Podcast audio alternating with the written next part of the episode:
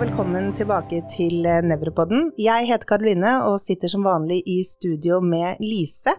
Og i dag har vi tenkt til å snakke om sykdommer i karotis. Og derfor har vi fått med oss eh, professor og overlege Mona Skjelland ved Oslo universitetssykehus. Velkommen til oss. Tusen takk. I eh, dag så tenker vi at vi skal snakke om sykdommer i karotis. Og dette er jo et tema som du er litt mer interessert i? Det er jeg. Jeg har forsket mye på karotis og ustabile karotisplakk, som jeg har, har, hatt en del studier på, og vi har hatt mye tanker rundt. For det vi ønsker er jo da å kunne predikere hvilke plakk er det som gir slag, og hvilke er det som eh, er ufarlige. Og de fleste plakkene de gir jo ikke symptomer, men det er det å plukke ut disse ustabile, farlige plakkene da, som vi har forsket på og prøver å finne noe mer ut av. Hvis vi begynner litt med det, da. Mm. Hva er vanlige symptomer hvis det blir for trangt i karotis, at det er en karotistenose? Den farlige tingen er jo alltid at man får seg et slag. Og ofte så kan det jo være tida først, og et vanlig symptom fra en trang stenose, det er jo amaurosis fugax. At man mister synet på ett øye forbigående. Eller det kan bli varig, og, og deretter så er det jo de der vanlige slagsymptomene i fremre fremre sirkulasjon. At man kan få hemipareser og synsfeltutfall og talevansker. At uh, det har sluppet en emboli da, fra plakket som har gitt deg et slag. Den andre muligheten når man har en karotistenose, det er jo at det rett og slett kommer for lite blod opp til hodet. At man får en hemodynamisk svikt. At ikke det er emboli, men at det er rett og slett for lite blod. Og det kan gi lignende symptomer, da. Hvilke pasienter er det egentlig dette rammer? Dette er jo en sånn kardiovaskulær sykdom, så det er jo de samme pasientene som da får hjerteinfarkt og også eh, hjerneslag, de som har hypertensjon og har hyperkolesterolemi kanskje, røyker De samme type risikofaktorene, egentlig? Ja, vanlige kardiovaskulære risikofaktorer. Og når man finner ut at det, det, er det de har, kommer de stort sett etter de har hatt et slag, eller etter tida, eller eh, oppdages de ellers? Eh? Det er jo veldig mange som kommer etter de har hatt slag. Så er det jo noen da, som uh, tilfeldigvis kanskje gjør en ultralyd av halskar pga. andre ting, kanskje de har vært hos hjertelegen eller et eller annet, og så ser kardiologen når de sveiper litt oppom karotis med ultralyd at her ser det trangt ut faktisk, og så henviser de til nevrolog eller andre som da kan gjøre ultralyd, og så finner man da en stenose. Og da er det jo alltid et spørsmål, da, skal man gå inn og operere den når den ikke har gitt symptomer? Hvilke pasienter er det som eh, For du sier at man kan påvise det på en måte tilfeldig, da, ved at en, noen tar ultralyden opp der, og så ser man at det er trangt. Eh, men får dere f.eks. masse henvisninger til ultralyd halskar, altså fra folk som ikke har hatt symptomer, eller fra fastleger? Er det mange som henviser med spørsmål om det? Det er i grunnen det. Og det er vel da gjerne pasienter som har liksom noen av disse kardiovaskulære risikofaktorene, som kanskje har hatt en koronarsykdom, kanskje har høyt kolesterol, og som fastlegen da ønsker å også få en sjekk på karotis. For det er jo sånn at uh, atrosklerose er jo en systemisk tilstand, så, og den kommer, viser seg også ofte tidlig i karotisbifurkaturen, så det er et tidlig sted hvor man kan se at det er atrosklerose. Så sånn sett er det jo en fin måte å sjekke ut eller skrine på, da. Og eh, når de da blir henvist, altså da blir de henvist for en ultralydundersøkelse ofte. Det gjør de. Er det, hvor god er egentlig en ultralydundersøkelse? Hvor sikker kan man være på den undersøkelsen? Er det noen ganger man må gå videre til CT eller MR-angiografi? Ultralyd er i grunnen den beste undersøkelsen eh, på karotis, og i hvert fall eh, når man er i bifurkaturområdet. Når man kommer i øvre del av karotis, så er ultralyd ikke noe eh, Eller da er det en mye mer usikker undersøkelse. Men i karotisk bifurkaturen er det en veldig god undersøkelse, og litt fordi at man da får et dynamisk eh, bilde. Man ser hvordan blodet flyter sånn i forhold til en sånn eh, CT-angio eller MR-angio. Er det lettere å vurdere stabiliteten til plakket, da? Det er det også. Og vi tenker jo at disse plakkene som er bløte, da, som inneholder mye lipider og kanskje hematom i karveggen, de er ustabile og slipper lettere tromber. Mens disse som er kalkrike og lyse på ultralyd, de er mer stabile. Man kan jo også se litt det når man gjør MR og CT-angio, at man kan si at eh, noe om kanskje dette med stabilitet, men jeg tror nok at man får et mye bedre inntrykk på ultralyd. Så det er den beste undersøkelsen, i hvert fall når man er i bifurkaturområdet. Og dette kan du se på ultralyd, altså om det er ustabilt eller stabilt? Det er klart at det blir jo litt sånn subjektivt, og man skal jo ha sett noen plakk før man kan si, eh, være helt sikker. Ja, for det så jeg kommet til at det har jo litt å si hvem som faktisk gjør undersøkelsen også. Man skal være erfaren, da. Ja, man skal det. Eh, man skal ha gjort det noen ganger og hatt det i fingrene.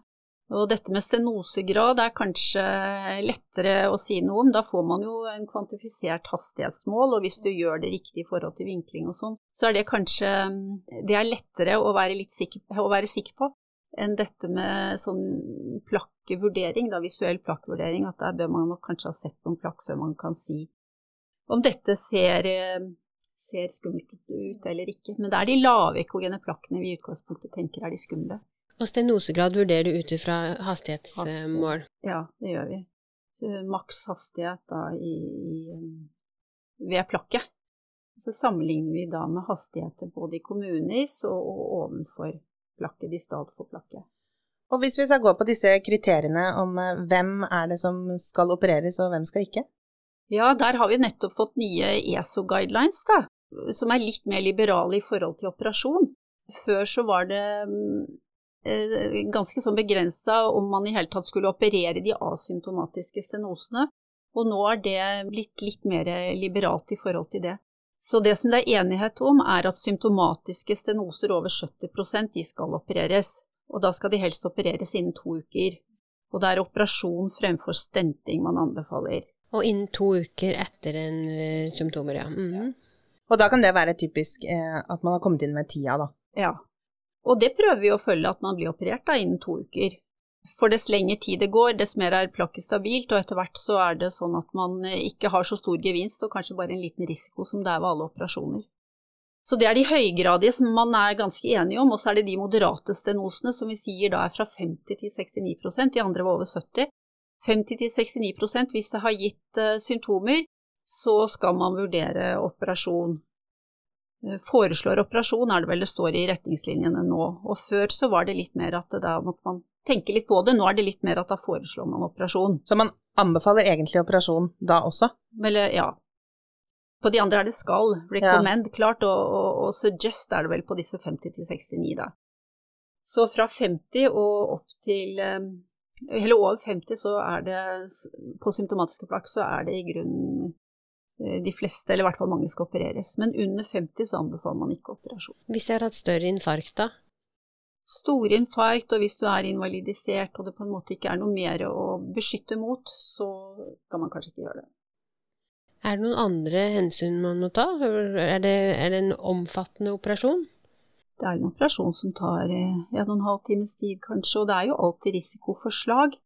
Og det man sier med de retningslinjene som vi bruker nå, så sier man at på det lokale stedet hvor man gjør disse operasjonene, så må man ha en komplikasjonsrate hvor man da tenker på hjerneslag eller død, som må være under 4 Og i de gamle retningslinjene så er man 6 Så man har blitt litt strengere der til hvor god man skal være på å operere. Og hva med um, For du sa at disse, altså over 50 uh, symptomatiske, da foreslår man som oftest operasjon.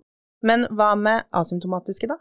Asymptomatiske, der er det litt annerledes. Og der har man studier som går fra 60% så det man eh, gir anbefalinger på der er 60% og man sier nå at ved asymptomatiske stenoser over 60% og hvor man tenker at man ikke kommer til målet med konservativ behandling, så skal man operere det.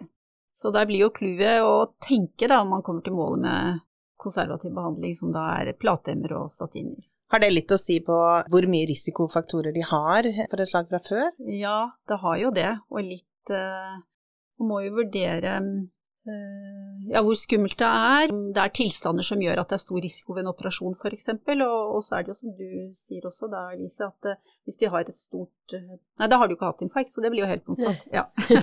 så da er det bare risikoen ved, ved kardiovaskulær sykdom. Ja. Men er det da dere begynner å vurdere liksom hvor ustabilt plakket ser ut i tillegg? Ja, det er det.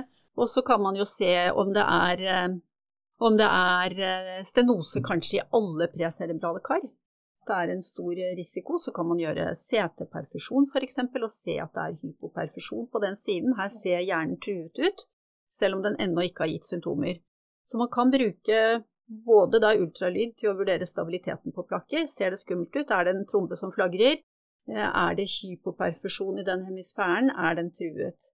Så det er litt sånne ting som man kan vurdere, da. Hvis det er problem på kontralateral side også, da? Mm, Har det noe å si for vurderingen? Det vil jo da trekke mot at man eh, skal gjøre, gjøre noe. Hvis det er flere kar som er eh, stenoserte, så er det jo en mer alvorlig tilstand da. Disse pasientene som er eh, asymptomatiske, og som man kanskje kommer på en konklusjon at man ikke opererer, følger dere opp disse pasientene? Du sa f.eks. at man må komme i mål med medikamentell behandling, da. Eh, så følger dere de opp for å se om man kommer i mål, eventuelt eh, vurdere om man skal operere de senere? Ja, vi gjør det i hvert fall på de fleste. Og eh, at vi kaller de inn til en kontroll, kanskje etter seks måneder i første omgang. Og så ser vi jo da også om plakket progredierer. Og det, hvis det gjør det i løpet av et halvt år eller et års tid, så tyder det jo på at det er litt aktiv atrosklerose, og at det er skummelt. Og at man da skal være snarere med å operere. Det er jo sånn at Vi ser ikke at plakkene går tilbake på statin, og det ser man i grunnen ikke. Men målet er da at det skal være stabilt, at ikke det skal progredere. Eh, og en okkludert eller nærokkludert, de, det gjør man ikke noe med? Nei, okkludert gjør man ikke noe med. Eh, og nærokkludert, altså er det opp til 95% er det noe sånt? Ja, noen sier 99 og noen sier 95 okay. som nærokklusjon. Ehm, det skal jo mye til kanskje at man opererer det. Man tenker jo at da sirkulerer det mindre, og det er mindre risiko også hvis man har klart seg sånn hemodynamisk uten å få noe infarkt.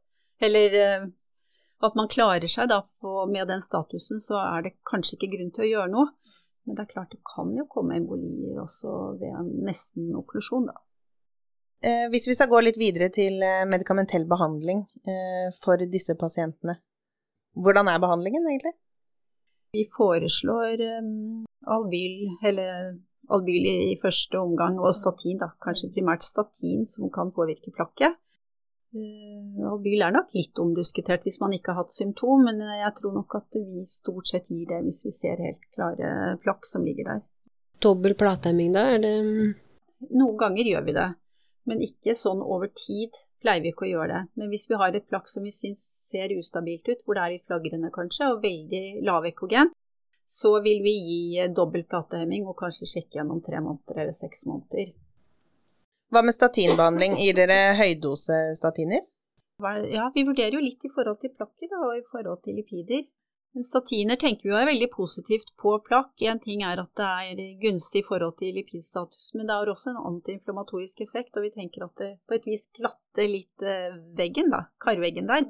Kanskje kan motvirke litt inflammasjon og litt sånn plateaggregering i veggen. Jeg er glad i statiner.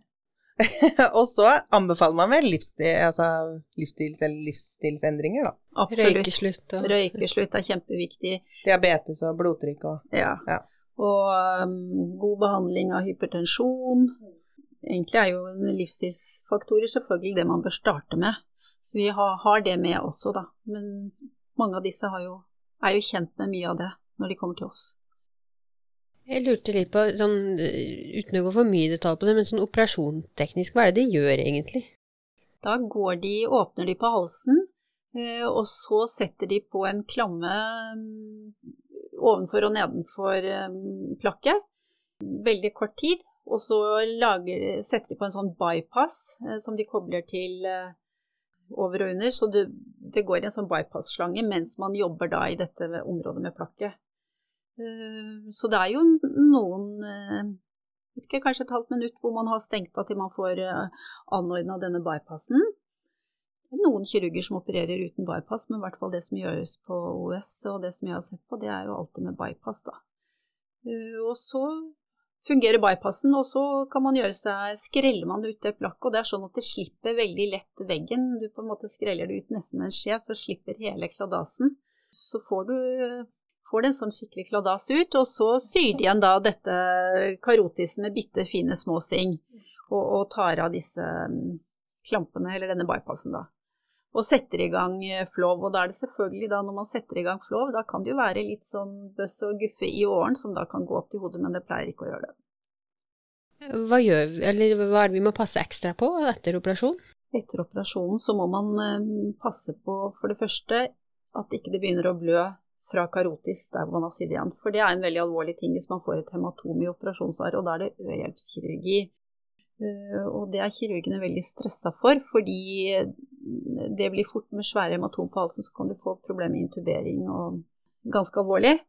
Eh, så det er kjempeviktig, men de pleier jo da å ligge på PH med dren og sånn den første tiden, så de følger med det. PH er overvåknings... PO er. Ja. Eh, og så det som vi da kanskje mer følger med på når de kommer til oss på vår eh, avdeling, det er jo dette at trykket ikke skal bli altfor høyt, at ikke de skal få en reperfusjonsblødning. For når det har vært kar som da har vært dårlig ernært eller fått dårlig sirkulasjon over tid, og så åpner man på kranene og full flushing, så kan man da noen ganger ha en karveggskade og at man kan få blødninger da. Så reperfusjonsblødning, eller blødning, eh, er, er, skummelt, og da må man passe på trykket at det ikke går for høyt. Er, dette, er, det mest risiko for dette rett etter operasjon? Ja. Første døgnet? Ja. Første ett til to døgn. Så disse pleier å ligge, ligge på Bli overvåket ett til to døgn, egentlig. da. Og så, eh, Du var så vidt innpå det i stad, men hva med stenting? Stenting, ja det er eh, det, Retningslinjene sier jo at eh, primærbehandlingen er karotiskirurgi hvis dette skal gjøre Eller kirurgi hvis det skal gjøres elektivt. Vi stenter når det er akutt eh, slag, hvor man da har både en okklusjon i karotis og en trombe i intracerebrale kar, og man må få åpnet denne okklusjonen i karotis. Da går man inn og stenter, og da gjør man jo det endovaskulært med kateter fra lysken. Eh, så det er absolutt en grunn til å, stente. Og I retningslinjene så står det at man ikke skal stente på personer over 70 år, for da har man sett at det er økt eh, komplikasjon. Man skulle jo kanskje tro at det ikke var det, fordi de trenger eh, ikke full narkose, og man skulle tro at det var mer gunstig i forhold til kardialstatus og sånn, men det studier har vist, da er at det er mer komplikasjoner når du er over 70 år, så man anbefaler ikke stenting på de over 70 år elektivt, bare når det er akutte slag. Så er komplikasjoner i form av blødning, eller at den går tett, eller Ja, eller at det blir eh, Jeg tror mer at det er sånn generelle eh, sirkulatoriske komplikasjoner. Man har jo baroreseptorer og litt sånne ting som kan bli påvirket der, da. Men det kan jo kanskje bli operasjon også. Men er det noe øvre Vi snakket jo ikke om noe øvre aldersgrense for karotis, altså operasjon? Ja, nei, det er ikke det. Ikke i hele tatt. Da jeg begynte var det 70 år, men det er, det er vel lenge siden, da. Så nå er det fritt fram for alle. Det er det. Men, og, og, sånn ellers med stenting, det er noen få ganger ellers også at man bruker det. Man bruker det hvis man har fått restenose i en operert karotis. Da går man aldri inn og opererer på nytt, men da kan man stente. At man kan blokke og legge en stent i den opererte karotis. Og så gjør man det hos de som har fått sånn stråleindusert stenose, for det er jo stråling på halsen kan gi stråleskade på karene, og, og da får man en mer sånn langstrakt stenose, som ikke er et atrosklerotisk plakk, men man ser at hele karveggen er fortykket oppover. Og det egner seg ikke for karotisk kirurgi, så da må man gå inn og stente hvis man skal gjøre noe med det, da. Hvis vi skal gå videre eh, på eh, sykdommer i karotis, så har vi jo eh, karotisk disseksjon. Mm. kan du fortelle oss litt om det? Karotisk disseksjon, ja. Eh, det er jo da en karveggspatologi, at man får disse lagene i karveggen som eh, Man får falsk lumen mellom intima media, kanskje, at man får blod som da borer seg inn der. Og så kan man få en stenose, eller man kan få en hel okklusjon av karotis. Hvis eh, motsatte vegger i karotis møtes, så blir det okkludert. Som regel så finner man jo ikke årsaken til dette. De fleste er idiopatiske, men man kan få det etter større traumer. Vi har hatt folk som har vært i bilulykker f.eks. og hatt det. Og man kan få det ved systemiske tilstander som bindevevssykdommer f.eks. Eller Danlos, eh, en variant av de. Så det er noen som er disponert, men de fleste forblir nok uten kjent årsak. Hvilke symptomer får de? Det som, dette gir ofte litt mer symptomer da, enn et atrosklerotisk plakk, for disse disseksjonene gir smerter. Smerter på halsen eller, eller, opp mot tinningen, og pasienten søker ofte lege pga. smerter. Er det ofte akutte oppståtte smerter? Ja, det er ofte det, men kanskje ikke så akutte som du ser ved hjerneslag og blødninger og sånn, men det er jo smerter som kommer relativt akutt, og så kan de på en måte bygge seg litt opp og gå, gå på litt sånn gradvis, da. Og faren her er jo også at man kan få et slag, da. Enten at man kan få en blodpropp fra den uregelmessige karveggen, eller at man kan få hemodynamisk svikt, altså at man ikke får nok blod opp. Og disse ser man jo eh, kanskje ofte på en CT-angio eh, heller? Ja, det gjør man. Man kan se det på ultralyd òg.